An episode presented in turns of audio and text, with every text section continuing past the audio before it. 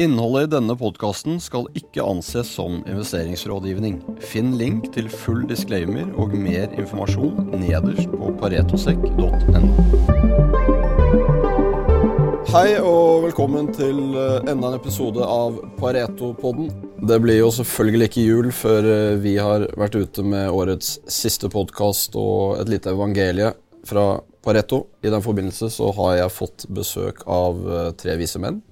Det er uh, analytiker Jørgen Opheim. Hei. Eirik Håvaldsen på shipping. Og Bård Rosef på uh, oljeservice. Bård og Eirik, dere er jo gjengangere i studio her. Jørgen, du uh, er førstegangsreisende, men det skal gå fint. Du dekker jo offshore vind bl.a., så vi skal snakke litt om akkurat i, i denne seansen. Før jul så har Pareto hvert år en julelunsj på Continental her i Oslo, og der går vi gjennom utsiktene for energi og shipping inn i neste år. Det vil da si 2023. Vi starter da med en kort eh, gjennomgang av hva vi tror på olje. Alle, alle våre analyser kan jo lytterne finne på Paretos eh, plattform, plattformer. Men for å drodle litt tilbake, da, Bård, så har jo det skjedd ekstremt mye på olje i år, selv om hvis jeg hadde sagt til deg at prisen på olje er 80 når vi sitter her i desember, så er det ikke sikkert at det hadde pirret like mye når vi satt her i januar. For da var den også rundt 80. Ja, men da, da hadde den vært stabil, og stabilt eh, høy, hadde jeg vel sagt eh, da. Da kom man fra lavere oljepriser. Så jeg tror ikke jeg hadde vært så veldig misfornøyd med Vi hadde satt det. Men vi hadde tatt 80. Um, som oljeserviceanalytiker er man jo veldig opptatt av stabilitet. Stabilitet er det som fører til investeringsbeslutninger om oljen er 130 i morgen fordi eh, noe skjer, så tar ikke oljeselskapene investeringsbeslutninger basert på 130 dollar i oljepris. Så stabilitet er bra. Eh, den har jo ikke vært stabil i år, men den har i hvert fall vært stabilt eh, relativt høy og på et nivå der der uh, prosjekter stort sett har veldig god økonomi. Det som er forskjellen fra januar til desember, det er jo at 80 føles lavt. 80 føles, føles lavt. Man kan også si at den Man har nå sett en del inflasjon på, på kostnadssiden, som gjør at den fundamentale oljeprisen man svinger litt rundt, har, har, løftet seg siden, siden starten av året. man hadde jo på starten av året veldig lav serviceprising, f.eks.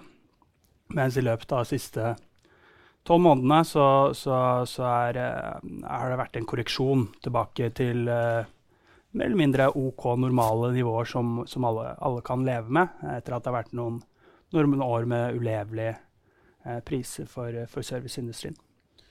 Og Det har man jo også sett litt i, i aksjene i år. De det er jo en volatil sektor som følger den underliggende commodity, men de har jo nå det siste, det siste droppet ned på commodityen, så har de jo faktisk holdt seg relativt mye bedre. Eh, og det er jo fordi man ser i de, det underliggende det underliggende inntjeningsbildet at det fortsetter å forbedre seg til tross for at øh, oljeprisen i, i front er volatil.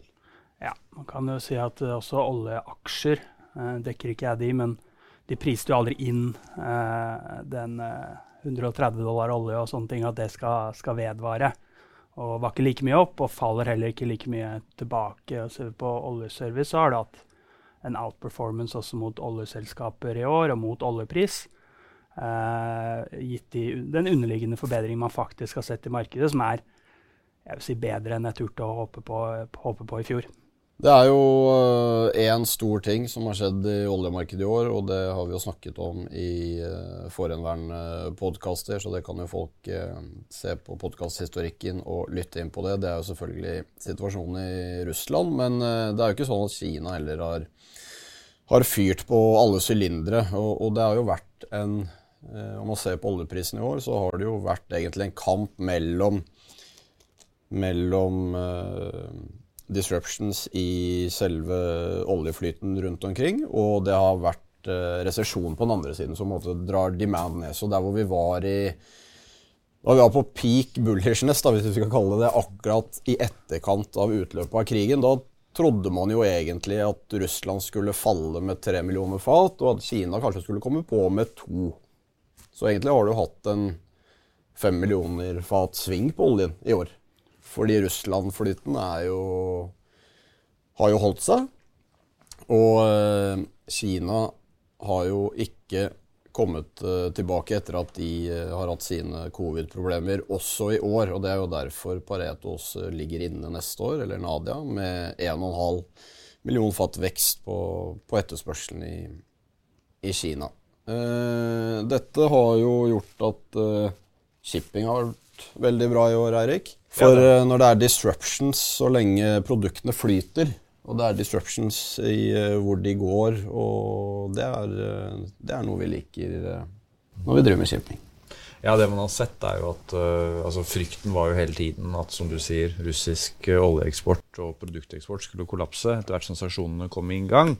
Så så vi jo sånn ref oljemarkedet, så så vi jo egentlig at oktober-november, når da den etterspørselssvakheten i Kina begynte å bli veldig synlig, så skjedde jo det samtidig som Russland eksporterte egentlig alt de kunne i forkant av disse sanksjonene for å få bedre realiserte priser enn det de ville få i etterkant. Um, som da la ytterligere press på oljeprisen.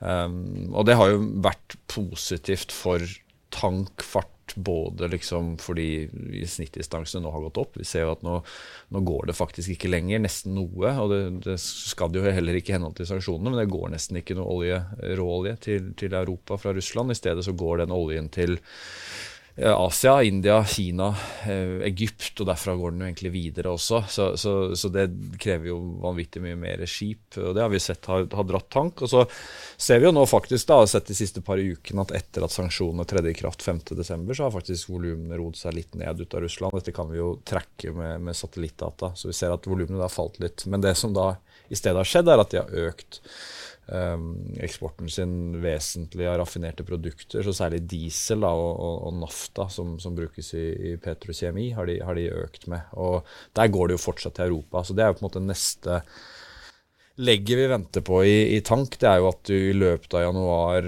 og før da sanksjonene på raffinerte produkter trer i kraft, som ikke skjer før i starten av februar, um, så skal jo da en drøy million fat uh, sånne raffinerte produkter også egentlig gå faktisk østover. Man trodde lenge at de skulle gå til Sør-Amerika, men det ser ut som om kjøperne der faktisk er asiater og, og indiske og kinesiske raffinerier som, som, i sin tur faktisk bare eksporterer de samme produktene, ikke nødvendigvis de samme lastene, men i hvert fall de samme produktene tilbake til Europa. Så, så, så igjen veldig I stedet for å sende lasten fra fra Østersjøen til eh, Wilhelmshaven i Tyskland, så sender du den til eh, India og så tilbake igjen til eh, Tyskland eh, fra India, som jo selvfølgelig er Og faktisk også på en annen båt, så det er jo helt, eh, helt eh, vanvittig ineffektivt i forhold til hvordan ting var.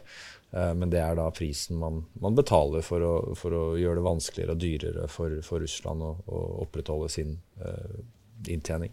Er, man føler jo at man snakker mye om olje hvert år, men eh, i år har det nok vært mer fokus på gass, og grunnen til det er jo selvfølgelig at uh, den, uh, Europa er helt uh, avhengig av den russiske gassen. Så apropos shipping, så har vi jo, og dette snakket vi jo litt om i, i denne episoden du var her, Erik, men LNG-flyt inn til Europa har jo vært massiv i år på bakgrunn av det som har skjedd. Nei, det, Man måtte jo erstatte på en måte flere ganger det de importerte i LNG tidligere, da, i russiske rørledningsvolumer. Og så fikk man jo en del i, i vår, men så har det stoppet opp med sabotasje eller hva det nå var av, av Nord Stream. er jo ikke helt uh, funnet ut av ennå, men, men, uh, men man har måttet ta inn LNG. Og vi har jo sett at, uh, at Tyskland har, har, har, og Tyskland og Nederland har satt i gang, eller setter i gang i disse dager, flere sånne flytende importterminaler for å få tak i LNG-volumer. Så det har jo gjort og man har jo klart seg, egentlig. Greit, man har jo klart seg med LNG. Eh, på en måte den globale kosten for det er jo selvfølgelig at eh, det har jo vært relativt dyrt for Europa, men kanskje også mindre dyrt enn man, man så for seg. Men, men, det er klart at de som lider her, er jo av fremvoksende økonomier i Asia som, som skulle hatt disse LNG-volumene til en lavere pris, og som nå blir på en måte utbydd av, av rikere EU-land. Um,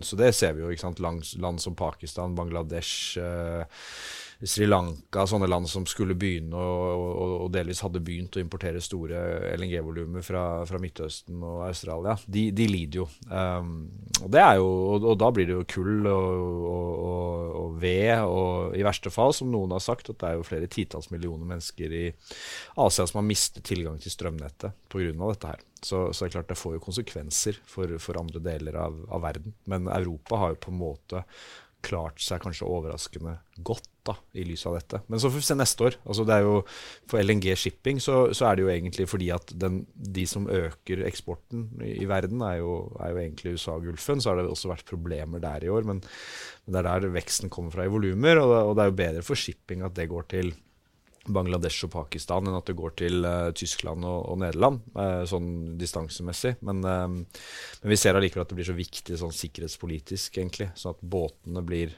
mindre og mindre effektive der også, så det på en måte utveier litt den, den distanseeffekten. Så, så, LNG shipping ja, har vært godt i år. Nå har aksjene vært fallende i det siste. Det er alltid liksom når, når gass, det kommer til å ha fulgt egentlig gassprisene. Men, men, det er jo Hvis man ser på gasstilbud og etterspørsel, så, så kommer jo den situasjonen er kanskje til å være enda verre neste høst for Europa. Eh, så det er ikke noen grunn til å ikke se for seg at gassprisene skal holde seg relativt høye, og at LNG Shipping skal ha et kjempegodt år også i 2023. Årets uh, hot topic det ble jo omsider inflasjon. Og Jørgen, du dekker jo alle disse selskapene som, uh, som driver med offshore vind, og som har mye under bygging. Og der, de har jo ikke unnslippet inflasjonen, de heller. Absolutt ikke. Um, det er jo på bakteppet av på en måte energisikkerhet og alt det der, så har det jo vært bra momentum for offshore også. Det er jo lite, det er jo liten industri. Um, ikke nok til at det klarer å demme opp for, for alle volumene som, uh, som, man snakker om på gass. Um, kan bare begynne med litt sånn headline, så er det ca. 55-60 gigawatt som er installert i dag, som produserer rundt 200 TWh, som er ca. 1,5 gang det, det Norge forbruker i løpet av et år så ser man mye vekst. Um, og, og, disse produksjonene kommer jo uh, bratt, bratt, opp, um, bl.a. drevet av, um, av trykket på, på energisikkerhet.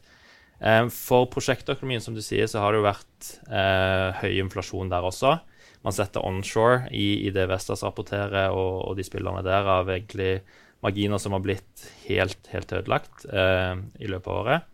Eh, men man ser det også offshore. Eh, man regner litt på det og kommer vel frem til at eh, legger man på økt kapitalkost og høyere råmaterialepriser, og tar høyde for at disse turbinspillerne skal faktisk tjene litt penger, pluss litt inflasjon for, for servicespillerne, som også eh, begynner å få en del bedre terms, så har man 25% høyere LKE, eller Levelized Cost of Electricity, på en generisk havvindpark eh, enn høyere enn det man hadde for, for 18 måneder siden.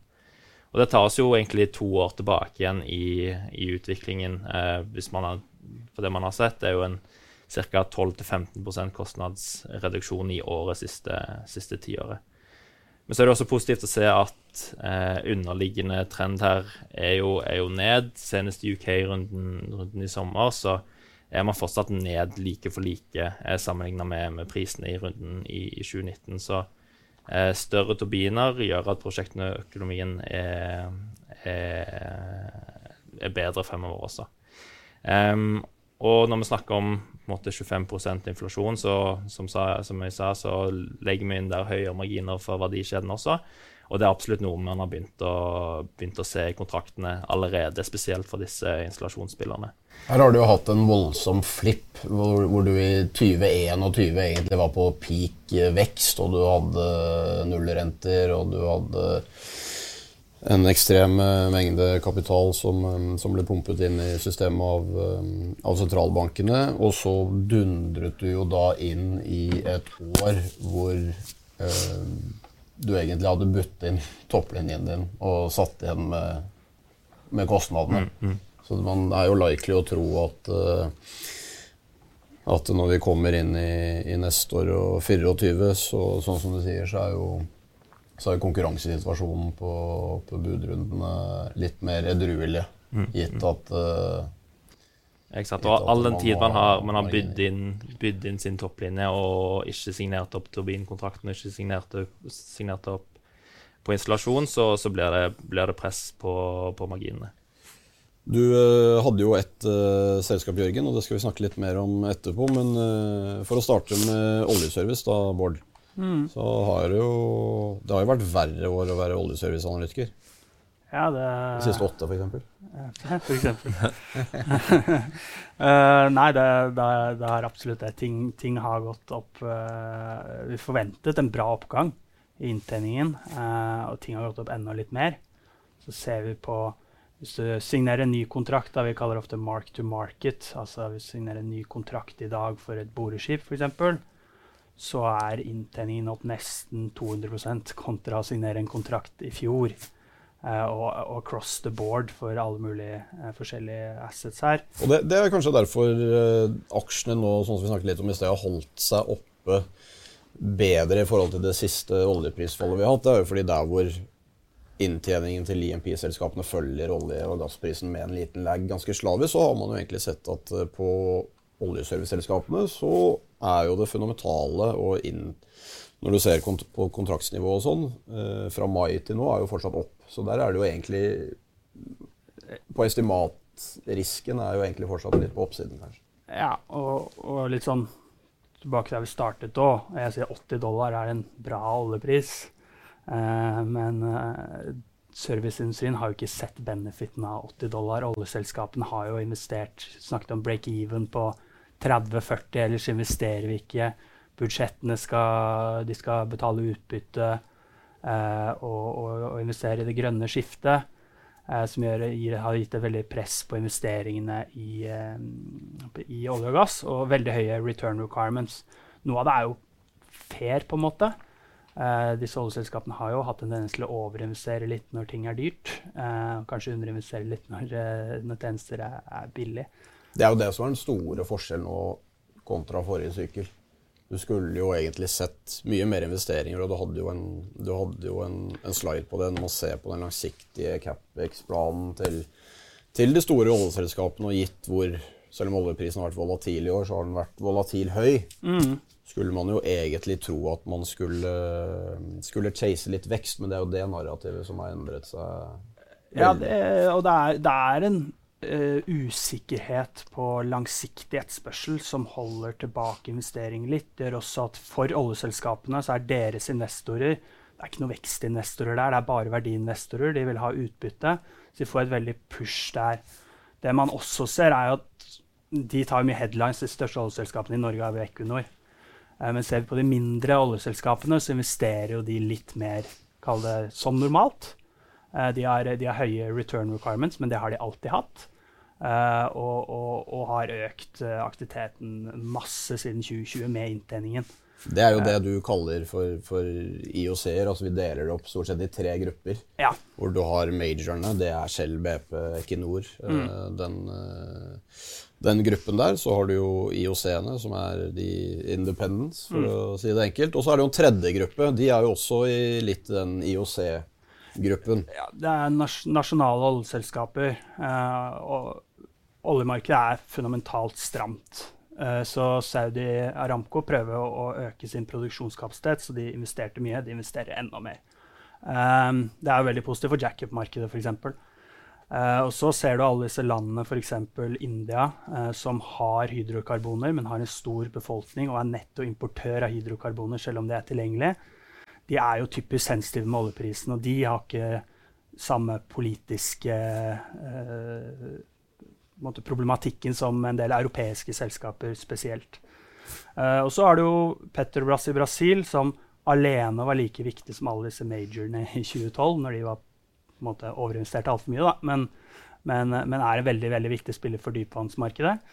Uh, de har jo pga. den fantastiske cashflowen oljeselskaper har hatt de siste par årene, faktisk reparert balansen sin etter å ha slitt med balansen egentlig siden 2013-2014.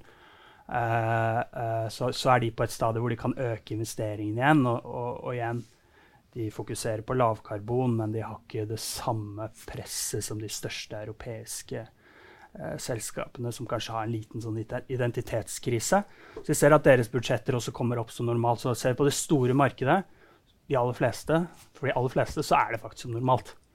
Eh, det er primært disse større oljeselskapene og en del vestlige selskaper som investerer eh, litt, litt, annerledes. Og de får jo i, i, mainstream media her, så får jo de selvfølgelig så får jo det mye attention. Men vi ser på Aramco sitt budsjett opp 40% ONGC opp 50 Petrobras opp 70 og Du var litt inne på jackup-markedet, men der har jo det basically blitt swipet jackuper.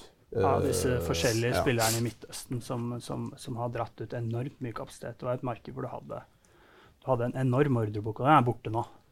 Eh, så du kommer jo da Det er litt sånn across the board her, egentlig. Altså, nå, jo, nå har du en risiko for at dette markedet blir ordentlig stramt. Og da blir det ikke 2014 stramt. Da blir det ikke eh, For det, her, her, kommer det ikke nybygg, selv om økonomien blir kjempebra. Eh, skal jeg ikke si aldri er så deterministisk her, men men, eh, men, men da, blir det, da, blir det, utsolgt. og da, da, kan ting gå ordentlig, ordentlig, ordentlig ut.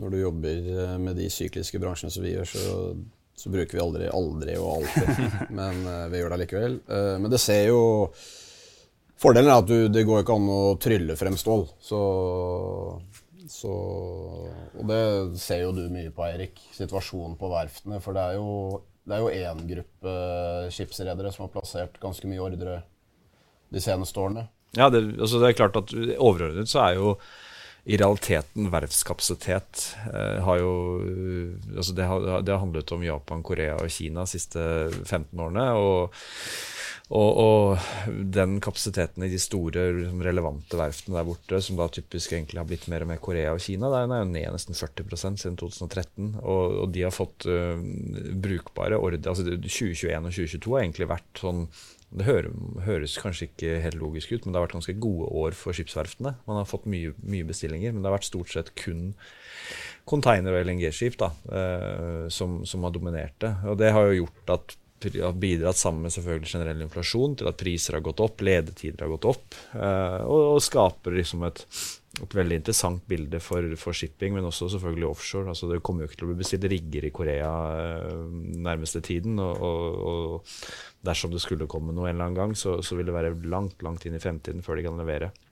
Uh, men absolutt container- og LNG-skip. Uh, og, og LNG-skip er jo på en måte litt sånn strukturelt. Det er en megatrend, og USA skal eksportere mer og mer gass til resten av verden. Så vi trenger LNG-skip. Og vi har også 40% av en flåte som er veldig veldig gammelt, og dette er veldig energiintensive skip. Så det er dyrt å ha gammelt, ineffektivt uh, utstyr. Så, så, det skal mye som skal erstattes. Så LNG-shipping er vi jo ikke så redde for i den sammenhengen. Men container ser jo brutalt ut. Der er det raten har kollapset fordi etterspørselen har falt naturlig nok og ineffektiviteten har gitt seg. Og så har vi egentlig ikke begynt å se nybyggene ennå, så det kommer til å skrapes noe vanvittig mye containerskip uh, inn i 2024-2025. Det, det, kan vi helt sikkert uh, se. Men det er jo kjempebra for resten av shipping, da, for råvareshipping, tank og bulk tank er nesten ikke bestilt noen ting. Uh, og markedet er uh, helt ellevilt, og flåten er gammel fra før av. Så, så, der ser vi jo for oss null til negativ flåtevekst i et par år nå. Og det er jo noe vi aldri har sett før, egentlig, innenfor det segmentet. Altså, da markedet var i Q4 i 2008 og ting kollapset, så var ordreboken nesten 50 før covid, så bare for tre år siden, da markedet var bra, så var ordreboken nesten 10% Og 2015, da markedet var bra, så var det nesten 20% Og nå er ordreboken 4 Så det er jo for alle praktiske formål egentlig ett, ett år med, med litt erstatning, men, men, eh, men, eh, etter det så, så ingenting. Så så det er, veldig, det er det aller viktigste for shipping. Alltid. Tilbudsveksten. Det er den som dreper det til slutt. Og nå får vi ikke det i tank, i hvert fall. Jørgen, det er jo en, eh, vi var jo litt inne på det i sted, men det er jo en del innenfor din bransje som har nybygg liggende. Hvordan, hvordan er den dynamikken? Hvilke land og hvilke verft eh, bestilles disse nybyggene på? Det er samme som Eirik sier der også. Det er nok de, de samme som bygger mye. Det er Kina hovedsakelig, og så litt i, litt i Korea også. Eh, og der ser man jo akkurat det samme, som er man har sett en stor oppgang i stål og kobber og all mulig råmaterialer, som, um, som selvfølgelig slår på, på nybyggsprisen. Mindre for en jackup og en, og en CSOV enn det det er for typisk kanskje et bulkskip som er enda mer andel stål enn det, enn en her, der det er mer teknologi, men likevel. Eh, det slår. Og de har jo bedre forhandlingskort enn de har hatt på lenge, dette, disse verftene. Så alle nybygd man setter nå, har vært på høyere priser enn en det forrige. Og man har jo den strukturelle veksten her også, som gjør at man faktisk må bestille. Så eh, hvis man er heldig å ha en båt på vann allerede, så skal jo det bli reflektert i, i høyere rater, og at det drar løfter økonomien på, på hele verdikjeden. Veldig bra. Jeg tenker vi eh, beveger oss litt ned på aksjenivå. Bård, du fremhevet jo et par aksjer da du holdt prestasjon. Den ene, den eh, første, Subsea 7, den eh, det kan jo Jørgen også snakke litt om, for de har jo litt av begge deler. Mm. Ta oss igjennom, eh, Hvis vi skal se på subsea-segmentet først, da, så bare ta oss litt igjennom hvordan verden ser ut der eh, inn i 23. Nei, altså, av, av disse undersegmentene, både på båt, eh, men også sånn generelt i, alle service, hvor det er tightest nå, så, så, så er det, er det subsea-markedet. Uh, Tendringaktiviteten er høy. Noen prosjekter kommer til å slippe fordi økonomien ikke er god nok lenger, men, men uavhengig av det så er, så er tendringaktiviteten veldig høy. Dette er jo ren development. Uh, og, og, development er jo in favor når du er usikker på hvor, liksom, hvor lenge skal vi produsere olje. Blir usikker på den residualen der, så vi gjør ting som er relativt uh, kort tid til du tjener penger. da på, på nye prosjekter. Og, og det, det, er jo Subsea Times, f.eks., og da er det jo flere kilometer rør per dollar investert. Så får er også den fulle Brasil-effekten, eh, som er veldig, veldig, viktig der. Så der har vi jo sett eh, Solstad eh, bl.a. solgte en, eh, en, en båt eh, for 80 millioner til australske marinen eh, dollar. Eh, og det er en båt som kostet 550 millioner kroner i 2013. Den er ti år gammel, og du selger den fordi den kostet å bygge justert for dollarkurser. Det trodde jeg ikke vi kom til å få se igjen. Uh, og, og, er en refleksjon av en tightness som du har i, i subsea-markedet, selv om det er litt odd, odd kjøper uh, akkurat i dette caset. Kan faktisk skyte en ekstra der. Det var samme, eller, samme segment, en båt også som gikk i slutten av forrige uke på på 75 millioner dollar, også en sånn eh, CSV Subsea-båt som kosta 70 millioner dollar å bygge, levert i, levert i 2019. Så absolutt et av de segmentene som, som ser mest utsolgt ut på, ja. på båtsiden. Vi kommer jo litt tilbake til det etterpå, her, men du Jørgen, du har også sett litt ekstra på supply-sektoren. Supply så det er ikke bare, bare offshorevind du, mm. du, sitter og holder på med. På, på, på Subsea 7 altså, er jo det én av tre, i realiteten kanskje fire spillere som kan gjøre de store subsea-kampanjene hvor du ikke leier ut båt, men du gjennomfører et, et oppdrag, leverer en subsea-leggingsjobb. Eh, eh, og, og, det er klart de tendringaktiviteten er god, og de er allerede høyt booka. Altså, så ser vi på backlog per båt, så er det nå ved årsslutt omtrent på de nivåene du var i 2014 allerede, og tendringaktiviteten fremover er god. Så de kan være veldig selektive på hva slags uh, jobber, jobber, de gjør. Siste Petrobras-tendere i sommer så fikk de ett bud og klarte aldri å bli enige om pris. Det er også noe som fører, kan føre til altså Her må rett og slett oljeselskapene nesten tilpasse sine agendaer til tilgjengeligheten på den båten. Disse type tjenester og, og utstyr og konkurransen er, er mindre. Uh, ser man på marginene nå og, og lager estimater i Subsea 7, da, det er litt gjetning. Det er ikke så god visibilitet. Det er mange faktorer som, som, går inn i estimatene. Så det er en tendens til å reflektere dagens inntjening. Per nå så taper de penger på fornybar, som er omtrent en fjerdedel av uh, butikken. Uh, I tillegg du, uh, har du ikke fått se de høye prisene i PNL-en ennå. Ja, La oss ta litt om det bare først. Det, det tar jo en timelag. så Det er ikke sånn, ikke det, det, så man jo da oljenedturen begynte, så hadde jo Subsea ganske gode marginer ganske lenge. All time high eh, marginer hadde de de årene etterpå, når de fikk benefiten av kostnadsdeflasjon og executed på kontrakter signert uh, før 2014. Uh, da hadde jo aldri hatt så høye marginer før. Og så har du hatt flipsiden flips på veien opp igjen her nå. Ja, ja. Um, så, så, så, men per nå så har de dårlige marginer. Ax Solution ser vi jo f.eks. at subsea-marginene er på et all time high-nivå. De leverer utstyret, Subseven installerer det litt senere.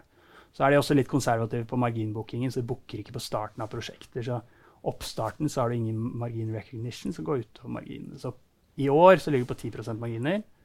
Neste år så ligger det på 13% marginer på, på, våre tall. Men det er blended? Det er blendet. Fordi ol marginen på oljebusinessen, den er hva er det nå? 14 Ja. Nå er du ja, litt, litt under for året, men du, du, har, eh, du har negative marginer på fornybar. Uh, der tjener du ikke så mye penger neste år heller, men du har en, et helt annet marked når vi kommer inn i 24-25, og det ser vi på kontraktene signert av disse andre selskapene, hvor vi har, uh, får litt bedre visibilitet på å kalle det marginer, hvor det er litt mer dagrate business enn det, enn det Subsea 7 er. Eh, I løpet av året i år så har jo kursen gått kjempebra. Og det som egentlig har skjedd, er at du var villig til å prise inn på starten av året inntjeningen i 2022. 10 marginer. Nå, eh, og aksjen har gått spesielt etter at de guidet på 2023 og ga en confirmation på at eh, estimatene, og alle, de fleste som dekker aksjen, har vært positive, er, er eh, riktige, så er aksjen nå villig til å reflektere de 2023-marginene. I 2023 har du 13% marginer. Normale marginer her vil være mer 20-20 pluss. Eh, Hvis du skal ha en OK avkastning, så uten å liksom tenke en sånn kjempebra inntjening, som også en del ting i markedet tyder på. Da tjener du 1,4 milliarder EBITDA. Putter du den historiske multipperen her på fem ganger på det, så er du på over 200 kroner per aksje. Akkurat når det skjer, vanskelig å si. Jeg tror 25 kanskje, men uansett, 24 kommer til å være bedre inntjening enn 23, og da skal man eie aksjen også gjennom, eh, gjennom eh, 2023. For eh, er det noe som slår på inntjeningen her, så er det marginen. Og det er også det vi har, å gjerne har minst visibilitet på. Du nevnte det så vidt, men eh, et annet selskap det er jo Aker Solutions. Det er jo et navn som er kjent for mange. Der også har det jo skjedd litt strukturelt i år. Ja. Bare ta oss kjapt gjennom det. Det, det, det store tingen i, i slutten av august annonserte de at de slår sammen subsea-businessen sin, som er omtrent en tredjedel av omsetningen, men mer av bunnlinjen, fordi det er høyere margin business, uh, med Slumberger, som nå heter SLB. Uh, uh, og, og i den dealen så selger de unna halvparten av staken sin. Og, og da, for, for cash som de får ved close og, og aksjer litt sånn, eh, i slutten av, av neste år. Eh, det verdsetter det uh, subsea-businessen deres på ca. 14 milliarder, hvor igjen litt over halvparten er cash som de får av, Subsea 7 og Slumberger. Og tar man dagens aksje-market cap, eh, eh, trekker ut eh, netto cash på 3,5 milliard, gjør en liten arbeidskapitaljustering, så, så priser du eh, Remainco når man drar ut dette, altså de siste to tredjedel, de siste nesten 30 milliarder i omsetning, priser for 1 milliard kroner. Og dette er et selskap de har kommet med guidance på hvor mye du skal tjene. De har, nå fikk de ordrene også. eh, de har aldri hatt den visibiliteten. De kommer aldri igjen til å ha den visibiliteten. De har de tre neste årene. Og da forventer de 1 milliard i årlig free cash flow. Og så er det pris på rundt 1 milliard eh, på, på, på, på kursen eh, i dag. Så da har du jo enorm nedsidebeskyttelse i det. Det impliserer også en margin som ligger skyhøyt over der konsensus er. Vi ligger jo langt over konsensus i denne aksjen, og vi har ikke tatt helt inn denne, denne guidance. Du trenger ikke å tro på alt, eh, men uansett er dette en aksje skal kjøpe. Og Axe Solutions har jo en nylig historikk med å nettopp slå sin egen guidance. Dette er jo ikke et selskap som er listet på Euronext Growth og har en veldig ambisiøs plan som veldig mye avhengig av i 2025. Dette er nok eh, ting De vet at det kan lønne seg å slå guidance. Eh, da får du en fin eh, aksjereise over tid. Jeg kan jo bare nevne som en liten disclaimer at Pareto var rådgiver i følge med et nedsalg som staten gjorde her for eh, ikke veldig lenge siden. Så vet også alle det. Vi, du hadde et par eh, interessante grafer, syns jeg, eh, Bård, eh, på presentasjonen din. eh, som går litt mer på, på effektiviteten, skal vi kalle det det.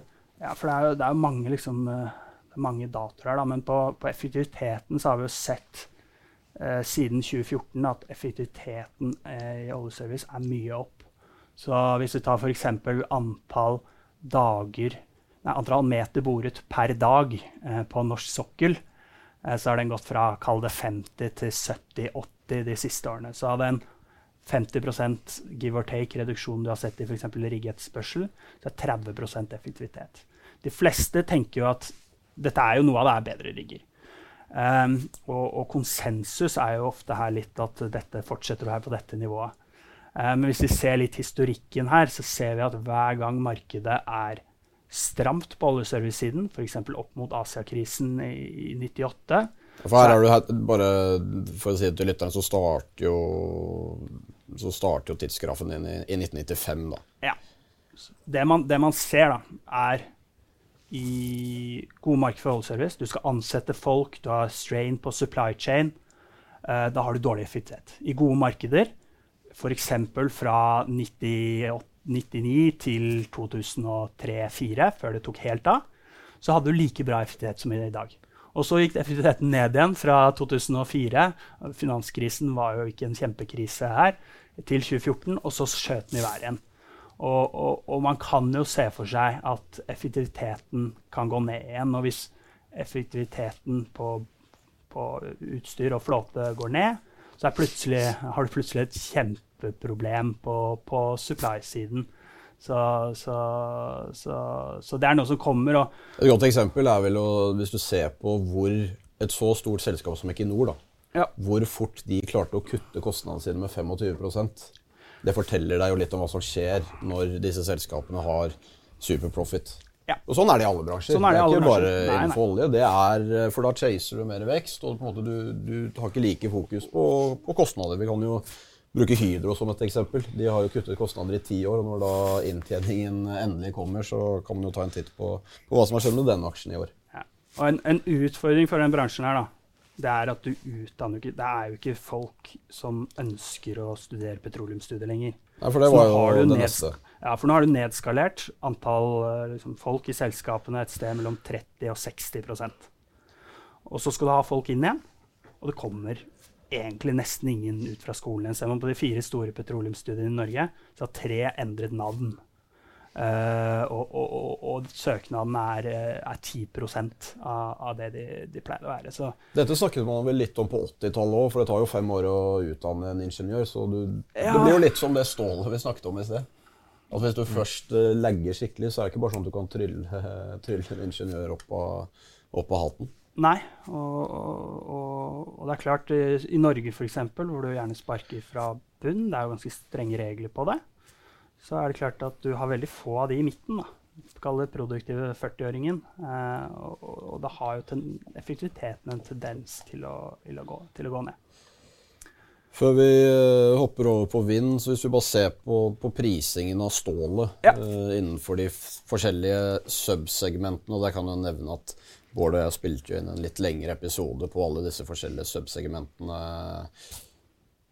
Var det rett før sommeren? Det var kanskje det. Jeg husker ikke farten. Den ligger uh, i hvert fall uh, i podkasthistorikken. Uh, men hvis du ser på de forskjellige undersegmentene og oil service her, Bård, og ser på prisingen av stålet, hva, hva ser du der? Nei, selskapene er prist på et sted mellom 30 og 60% av det det koster å bygge utstyret de har. Uh, ser du mot uh, inntjening på nye kontrakter, så er de stort sett priset et sted mellom 2,5 og 5 ganger inntjening på, på nye kontrakter. Uh, høyest priset er gjerne de høyest girete selskapene, som, som, selvfølgelig har, har stor egenkapitaloppside. Man har litt hatt her at de Uh, aksjonærene som har vært i Oil Service, har kanskje ikke vært, uh, vært de, de, største aksjonærene. Uh, generalistene. Og, og, og, da er aksjer med høy oppside er, er noe mer pricy på en sånn, sånn multiple. Da. Det ser vi også på på year to date performance så er det jo et par girede Er det noe vi skulle gjort annerledes når vi ga våre anbefalinger i fjor, så er det jo valgt aksjer med høyere giring, for dette har gått bedre enn vi turte å håpe på. Um, billigste selskapene eh, er fortsatt disse amerikanske boreselskapene, priset på omtrent 220 millioner per eh, rigg. De kostet en gang i tiden 675-700 eh, millioner å, å, å, bygge, og de tjener per nå 90 millioner, så de priser omtrent 2,5 ganger eh, kontraktsøkonomien på, på, ny kontrakt. Eh, ellers er også eh, ja, Litt, uh, litt jackups, f.eks. i Bård Drilling, priset omtrent 125 millioner. Tjener 25 millioner i dag. Og der er det jo også en push up som fortsetter på, på, på, på dagratene. Så den er på sånn femgangeren nå. Uh, ser man på PGS, der er det jo mange justeringer man må gjøre, for det er multiklient-business. Men hvis vi tar ut den på to ganger late sales vi forventer neste år, som er litt ned fra i år, Uh, så, så, priser du en sånn uh, ramformbåt på, på rundt 100 eh, Litt i underkant av 100 millioner. Eh, som kostet nærmere 300 å, å, å bygge. Eh, og, og kall den en eh, 3-3,5-gangeren inntjeningen du ville hatt på en sånn ramformbåt nå, i det teoretiske tilfellet der du bare går på kontrakt. Eh, og, og, de tjener jo pengene nå. De tjener jo ikke pengene om eh, tre-fire år, sånn som eh, disse bore, boreselskapene gjør. Jørgen, du hadde en liten uh, gjennomgang på, uh, på offshore vindmarkedet før du beveget deg inn på, på et par enkeltaksjer som vi, vi, kan ta på slutten. Hvis vi bare tar markedet som, uh, som hele top down, da. Man se, det, man, det, man, også ser på um, sant, Vi snakker jo litt om dette med kostnadsinflasjon med energisikkerhet, at man kommer fra et sted lav base, så man har en voldsom ramp-up i, um, i kapasitet egentlig frem mot 2030, men også lenger enn det. Sant? Man setter jo målene for 2030 begynner faktisk å bli litt kort tid til, så gjerne 2035, 2040 og fortsatt vekst frem til 2050. Så vi ser rundt altså høy eh, tosifra eh, opp mot 20% årlig vekst frem mot i alle fall 2035. Det som er med den veksten, er jo at eh, man har jo på samme måte som man har lang ledetid på nybygg, så er det ikke bare å trylle og få frem en, en havvindpark i i, i Nordsjøen heller. Det tar jo mange år. Um, så ser man på en måte på projeksjonene for installa, installa, installert kapasitet, så er faktisk estimatene ned for kalde perioden fra, fra, 2020 til 2024, mens eh, all veksten kommer i andre halvdel av, av tiåret. Eh, og det er jo fordi, som sagt, ledetidene er, er, høye og er lange, og, og myndighetene setter mål for for 2030. Senest slutten av forrige uke så eh, er jo Nederland et ganske modent, modent marked for, for offshore vind. Da kom Eneco og, og, Shell med en vindpark som de forventer å ha operasjonell i, i 2026. Og det er egentlig sånn relativt fast track på, på det prosjektet. Eh, så det er liksom noe av det, det kjappeste man klarer hvis man, hvis man, starter i dag. Det gjør at det blir ganske eh, bratt økning i aktivitet på prosjekter fra, eh, fra 25 og utover som gjør at disse eh, Det vi liker innenfor spacet her, er jo eh, de som er eh, altså serviceaksjene. De som er leverandører til, til, til utbyggerne. Og, og, ser man f.eks. på Cadeler, så ser man det i kontraktene de signerer opp allerede. Jeg hadde et eksempel her med hva den eh, eh, en av deres båter gjorde i 2021, og hva den kommer til å gjøre i 2025. I 2019-2021 så trader den ned og gjorde et vedlikehold på 3-5 megawatt onshore-turbiner til Siemens, som er et, et, lite marked der det er veldig mange båter tilgjengelig. Eh, nest, og det gjorde de fordi eh, det var lite installasjonsjobb å gjøre. Nå skal den samme båten, og da tjener de rundt eh, 10 millioner euro i EBTA årlig.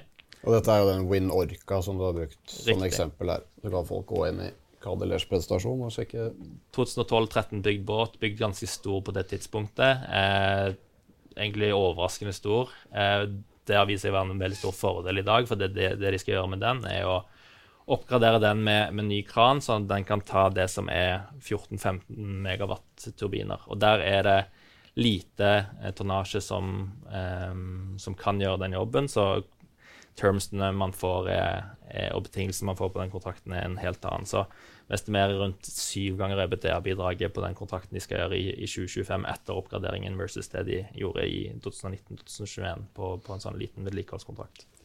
Det begynner å bli en del selskaper listet på, listet på Oslo Børs, eller eh, Euronext uh, Oslo-sfæren. og Seaway 7 var vi jo litt inne på i sted med Subsea 7 Board. Men uh, ta oss bare kjapt igjennom de andre, Jørgen, og hva eventuelle forskjeller på, på de uh, fire ja, på, på Oslo, Oslo Bør så har man jo Cadeler, som er eh, installasjonsjackups. Både for måte, De har jackup-båter med, med heisekran som kan installere turbiner og også fundamenter. Eh, som er på en måte i utelukkende nesten, i hvert fall det de sikter på initielt, i installasjonsfasen eh, av, av, en vindpark. Så har man også spillere som Edda og, og IVS som har litt mer lignende sånn eh, subsea-båter, eh, for å dra på en måte oljeanalogien, eh, som også støtter eh, installasjonsjobben med mest av alt mennesker og på en måte accommodation-kapasitet,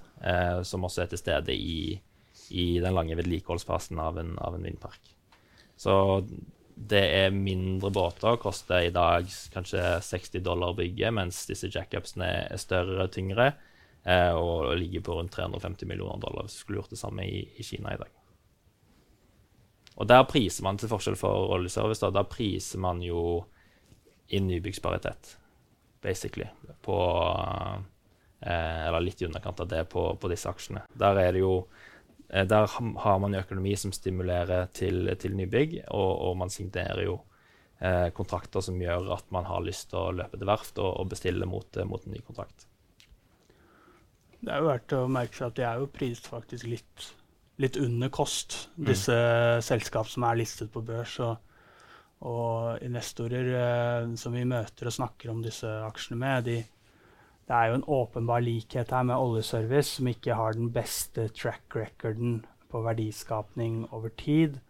Og spesielt da kall det de litt enklere, enklere båtene. Så ser vi på OSV-markedet, så, så det er klart de har vel hatt en negativ through the cycle-avkastning uh, på den type skip, som gjør at uh, markedet er litt mer skeptisk enn det det var til oljeservice-aksjer Eh, for, for ti års tid siden. Du så jo litt på det, Jørgen, blant annet, hvis du ser på 15 års uh, snitt, snittavkastning på, ja. klart, i olje- og gass. Mm, ikke sant, Så har jo OSV der vært, vært egentlig tyngst, og det er jo relativt eh, i, i, forhold til disse segmentene her lave inngangsbarrierer, som gir høy flåtevekst når, når uh, betingelsene er, er greie mot, eh, mot, et nybygg i 2012 2014 helt OK økonomi. Inngang av veldig mange asiatiske verft også, som, som er villige til å bygge båt, som gjør at man hadde en helt formidabel flåtevekst, som gjør at det blir veldig tungt eh, når eh, etterspørselen også faller, som den har gjort siden,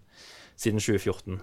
Eh, og Vi ser jo litt av den samme dynamikken i offshore vind også. Det har absolutt vært nybygg på, på jackups også, men teller man CSOV, så har, har den flåten også dobla seg så langt i år. Så og Der er det mange ulike spillere som kommer til, eh, så absolutt steder man ser høyere flåtevekst enn en andre steder. Nå har du uh, vært på mute lenge, Eirik, men uh, vi har jo tid til shipping også. Det har jo, det har jo vært et år hvor uh, det beste du kunne ha i skuffen, var shipping. Men historikken har vel vist oss at det lønner seg å ha håndtak på de skuffene. Men inn, inn i neste år så ser det jo fortsatt veldig bra ut. Ta oss litt igjennom eh, det du snakket om eh, her i forrige uke. Ja, nei, altså det er klart det har vært et og, og, og, igjen, det er liksom det, det, er faktisk vært noen gode år nå å være shippingaksjonær på. Altså det er på en måte Det er ikke mange år siden man følte seg litt dum som holdt på med shippingaksjer, for det var stort sett verdiødeleggende. Men, men uh, de siste par årene så har det vært bra. og I år har det vært eksepsjonelt å sette liksom tank Produkttankeraksjene er opp over 300 og gassaksjer er opp 100 Stortankaksjer er opp godt over det. Til og med tøllastaksjer er på en måte opp, selv om eh, momentum i markedet har vært negativt. Så, så shippingaksjer har jo det, det, henger jo på en måte sammen med det at skip er stål, og, og flåter har og igjen litt som man snakker om på, på, OSV. Det har vært lett å bygge lave inngangsbarrierer, og så ser vi at liksom nå er det faktisk litt bottlenecks knyttet til det å få nytt utstyr, og det er mindre interesse å, å dytte kapital inn i det. og da, da får, du, får, du, egentlig gode markedsutsikter. Og når du da også da får noen sånne positive, da, for en gangs skyld, sånn svart svane-hendelser som, som, dette Russland da har vært egentlig både for gass og, og tank, så, så, slår det veldig positivt. Eh, og, og, igjen, shipping er jo Du har lave faste kostnader. Eh, som eh, ikke varierer med rater. Så når raten da plutselig begynner å gå, og du, kosten på, på, shipping er en relativt liten del av totale energiverdikjeden, så, så når da ratene begynner å gå, så, så, er det på en måte i prinsippet ikke så store begrensninger på hvor mye man kan plutselig tjene. da. Eh, så har det vært bestilt en del i år, som vi var inne på, som er positivt, fordi det bygger opp ordrebøkene innenfor noen segmenter og, og, og, og skaper da på en måte visibilitet for resten.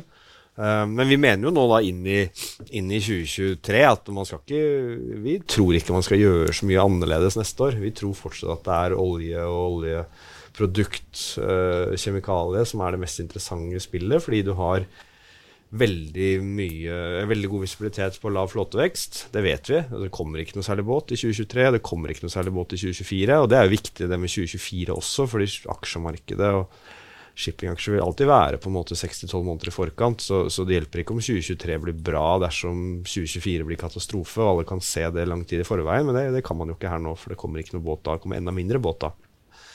Så, så, derfor så mener vi at man skal gjøre egentlig mye av det samme, eh, og, og la disse vinnerne løpe videre. Eh, mye snakk om nå, ikke sant? en reåpning av Kina. Skal man da kjøpe tøllaste med begge hendene? Vi syns jo ikke det. Vi tror det er tidlig.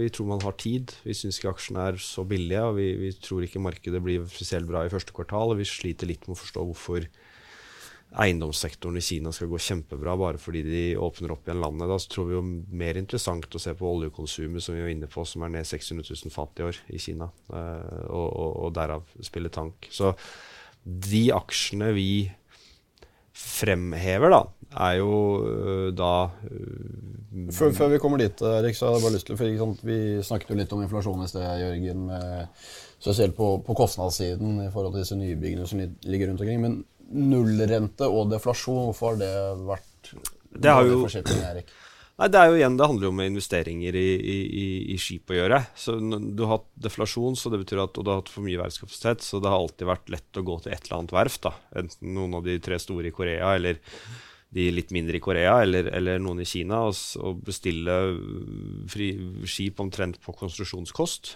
Uh, og det har gjort at uh, sånn, den raten, den nødvendighetsraten du trenger, da, eller nybyggsparitetraten som vi også snakker om, den har liksom vært på linje med historiske lange TC-ratesnitt alltid. Så poenget er at det har nesten aldri vært spesielt risikabelt da, siden 2009 å bestille skip, fordi at du har liksom alltid vært sånn noenlunde sikker på at du klarer å sette ut det skipet på en TC og, og, og dekke, i hvert fall dekke mesteparten av uh, til og med kapitalkosten din. Um, men det har jo endret seg nå ikke sant, med at verdensprisen har gått opp. Så ser vi at sånn historisk ikke sant, så har da den paritetsraten ligget på rett under 40 000 dollar dagen mot lange TC-rater på 35 til 40.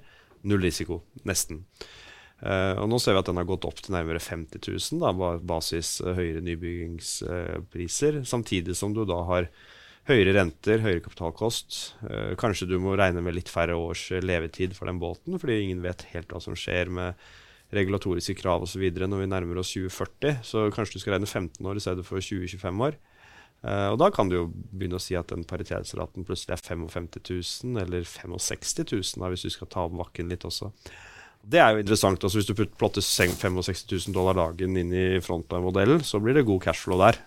Og, det gjør jo igjen at spekulative ordre. De kommer ikke. Det kommer til å komme ordre fra noen grekere som tjener altfor mye penger på å gjøre Russland-laster, eller noen japanere som har uh, veldig veldig lang eh, horisont på det de gjør, eller noen børsnoterte som føler de må fornye flåten for å ikke dø hen. Eh, så det kommer til å komme noen bestillinger, men poenget er at det kommer ikke de der enorme bølgene av spekulative ordre. Det, det, det, skjer ikke med det rentebildet og, og, og nybyggingsprisbildet vi har i dag. Vi har jo snakket mye om tank, og vi har snakket mye om uh, stortank, og vi har snakket mye om uh, produkttank. Men uh, et segment som du dro fram, Eirik, det er jo Stolt-Nielsen. Og da er vi innenfor kjemikaliemarked. For de som ikke kjenner dette markedet ekstremt godt, bare ta litt the basics og, og ja.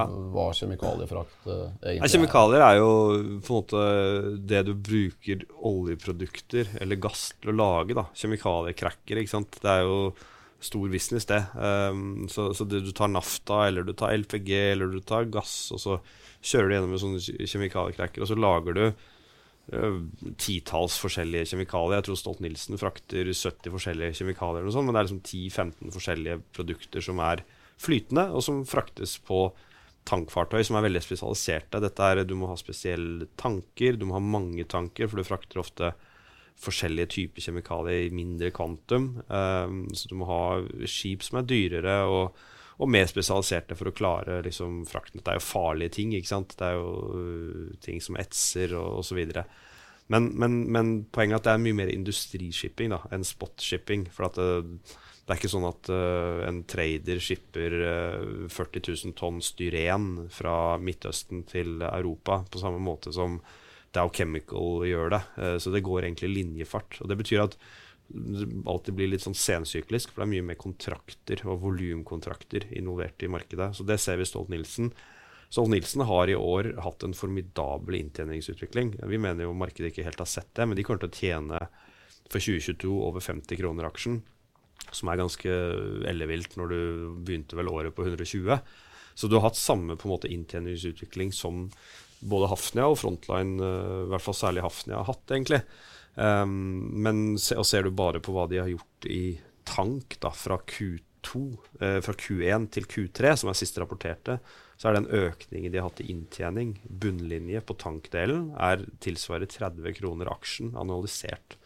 Så det er jo formidabelt. Uh, men samtidig så rapporterer de om hva de fornyer kontraktene sine på. De er opp 10-11-12% år over år. Ingen grunn til å tro at ikke det skal fortsette inn i Q4 og, og Q1, som de snart kommer til å rapportere. De skal fornye 60 av kontraktsporteføljen sin i løpet av Q4 og, og særlig Q1.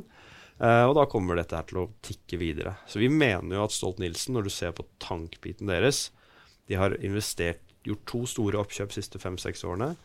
Vi tror de kan fort ligge på en run, altså run rate, eh, såkalt run rate EPS, da, på 100 kroner når du kommer inn i andre kvartal neste år, når disse KOA-fornyelsene begynner å ses i tallene. Så der mener vi det er null ordrebok. Eh, det er et sensyklisk på en måte selskap som, som tjener også litt sånn tematisk på at høyere råvarepriser og, og, kanskje litt svakere etterspørsel gjør faktisk at de store cracker kjemikalieprodusentene i Asia kommer til å slite litt, mens de som har tilgang på billig strøm, billig feedstock, som er typisk er Midtøsten og USA, kommer til å tjene på relativen. Ergo kommer du kanskje til å få mer kjemikaliefrakt helt til Asia derfra. Uh, så det er et, et, et, um, et, segment som faktisk kan tjene. Hvis du ser historisk da, på resesjon, så falt ikke tonnmilen på kjemikalier selv i 2009. Den steg. Så når du da har null flåtevekst, når du da har et selskap som er tydelig på at vi skal ta oss betalt Vi har hatt dårlig avkastning på kapitalen vår i 15 år, nå tar vi oss betalt. Litt som oljeservice, egentlig. Og, og, og, det ser du allerede i tallene. Så, så, og du har bokverdier på godt over 300 kroner. Um, positive estimater enn de har delvis Eller de har sagt mellom linjene at vi skal betale ut halvparten i, av det vi tjener i utbytte så tror vi at dette her kommer til å bli en øyeåpner for veldig mange i eller Q1-rapporten, kanskje særlig da når vi får inn mye av disse Q4-fornyelsene. Kommer til å bli ellevill. Og da, da er Stolt-Nielsen på 08 ganger bok og eh, etter hvert 2,5 ganger runrate EPS. Eh, husk at mye av driften i Stolt-Nielsen også er logistikk, det er terminaler, det er ting som burde handle på 15 ganger EBIT. Eh, så den mener vi man skal kjøpe i dag og legge i skuffen, og så ser vi hvor den er om seks måneder.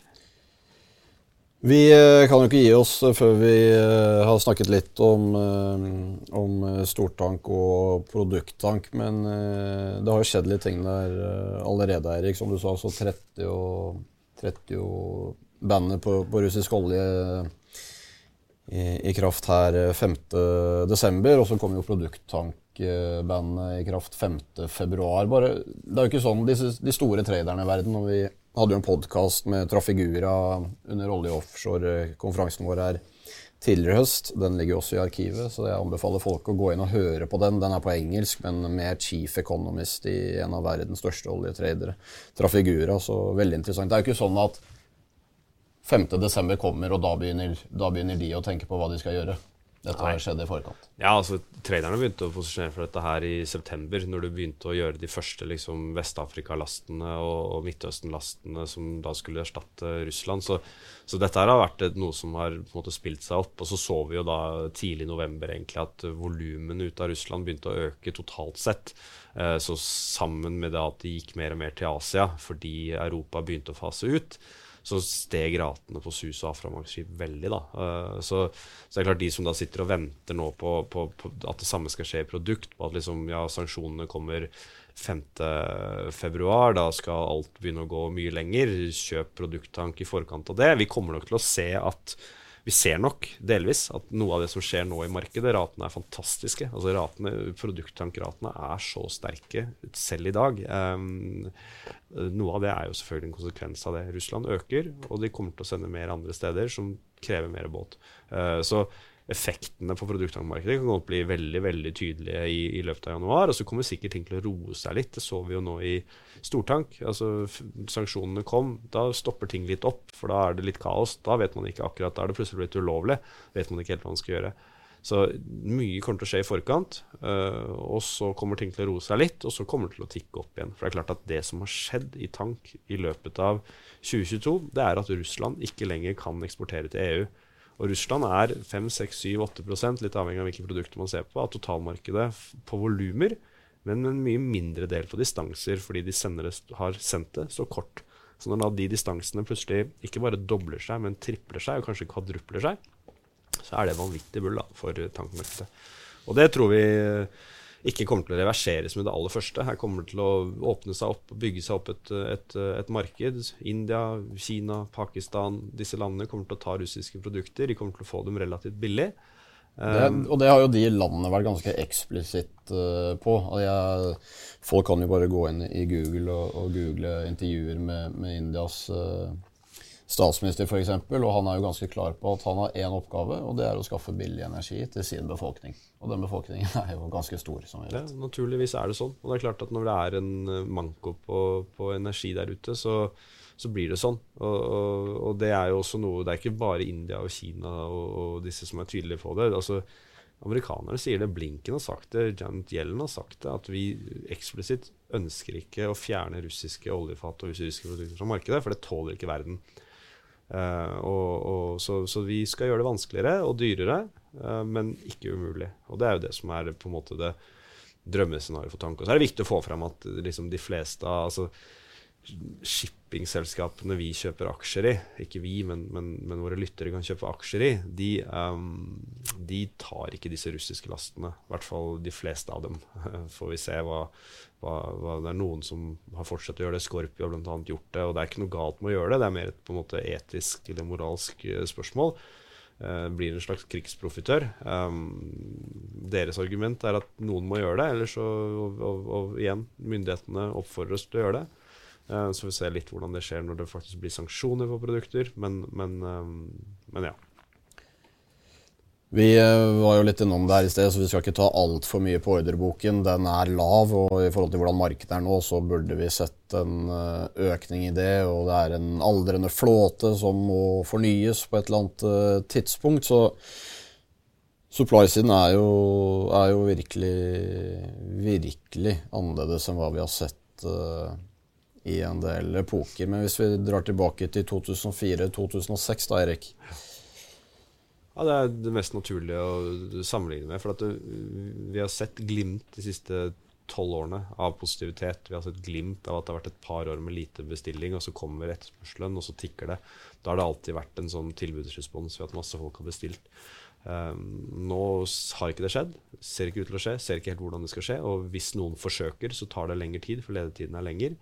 Så, så liksom å se på 2023-2024, det minner veldig mye om det bildet man hadde 2004-2005-2006 i tank. Og det kan godt være at uh, Og da gikk jo Frontline 30-gangeren, liksom, med, med dividende. Uh, tror vi ikke nødvendigvis at det, det skal skje igjen, men det er viktig å huske på det at i shipping, så når du kommer inn i sånne bullsykler, så er det ikke det er superprofitt så det holder, altså. Fordi at det er en liten del av verdikjeden. Så, så, så vi tror jo Frontline også kan Nå får vi se. Nå skal faktisk eh, Når vi spiller inn dette, så er det én time, vel, til um, Frontline og Jon Fredriksen skal stemme over om han har lyst til å flytte selskapet sitt til Kypros eller ikke, som er en forutsetning for å få, få til uh, sammenslåing med, med Euronav. Det la, la, oss bare ta det, det helt sist, da, for det har jo sikkert alle fått med seg, at Frontline og Euronav har egentlig blitt enige om en merger, og da ble man enige om en, et bytteforhold på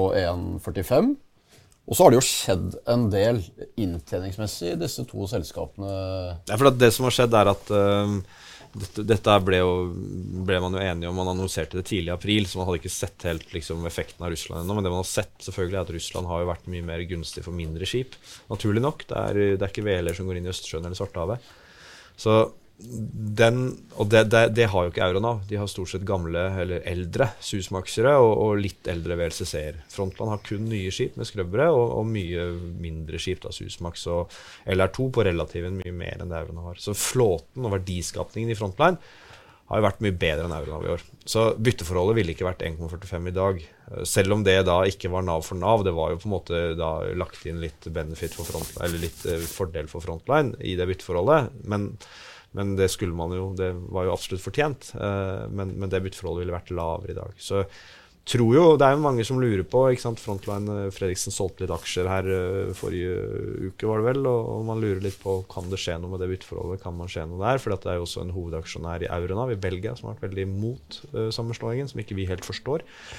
Men, uh, men der det, Så siste ord er nok ikke helt sagt der. Vi får se. Jeg tror jo for Frontline sin del i det helt korte bildet, så ville nok aksjen gått positivt på at den fusjonen ikke ble noe av.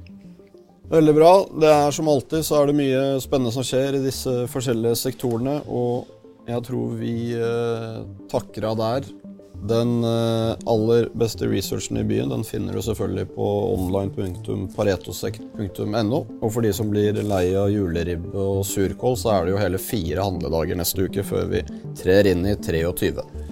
Jørgen, Eirik og Bård, tusen takk for at uh, dere kom hit og delte deres tanker. Så er det bare å ønske god jul og godt nyttår til alle våre faste lyttere. Og vi ses igjen på andre siden av nyttårsrakettene. Ha det bra. Vi minner om at denne podkasten ikke inneholder investerings- eller annen type rådgivning. Handel i verdipapirer medfører til enhver tid risiko, og historisk avkastning er ingen garanti for fremtidig avkastning. Pareto Securities er verken rettslig eller økonomisk ansvarlig for direkte eller indirekte tap, eller andre kostnader som måtte påløpe ved bruk av informasjon omtalt i denne podkasten. Finn link til full disclaimer og mer informasjon nederst på paretosek.no.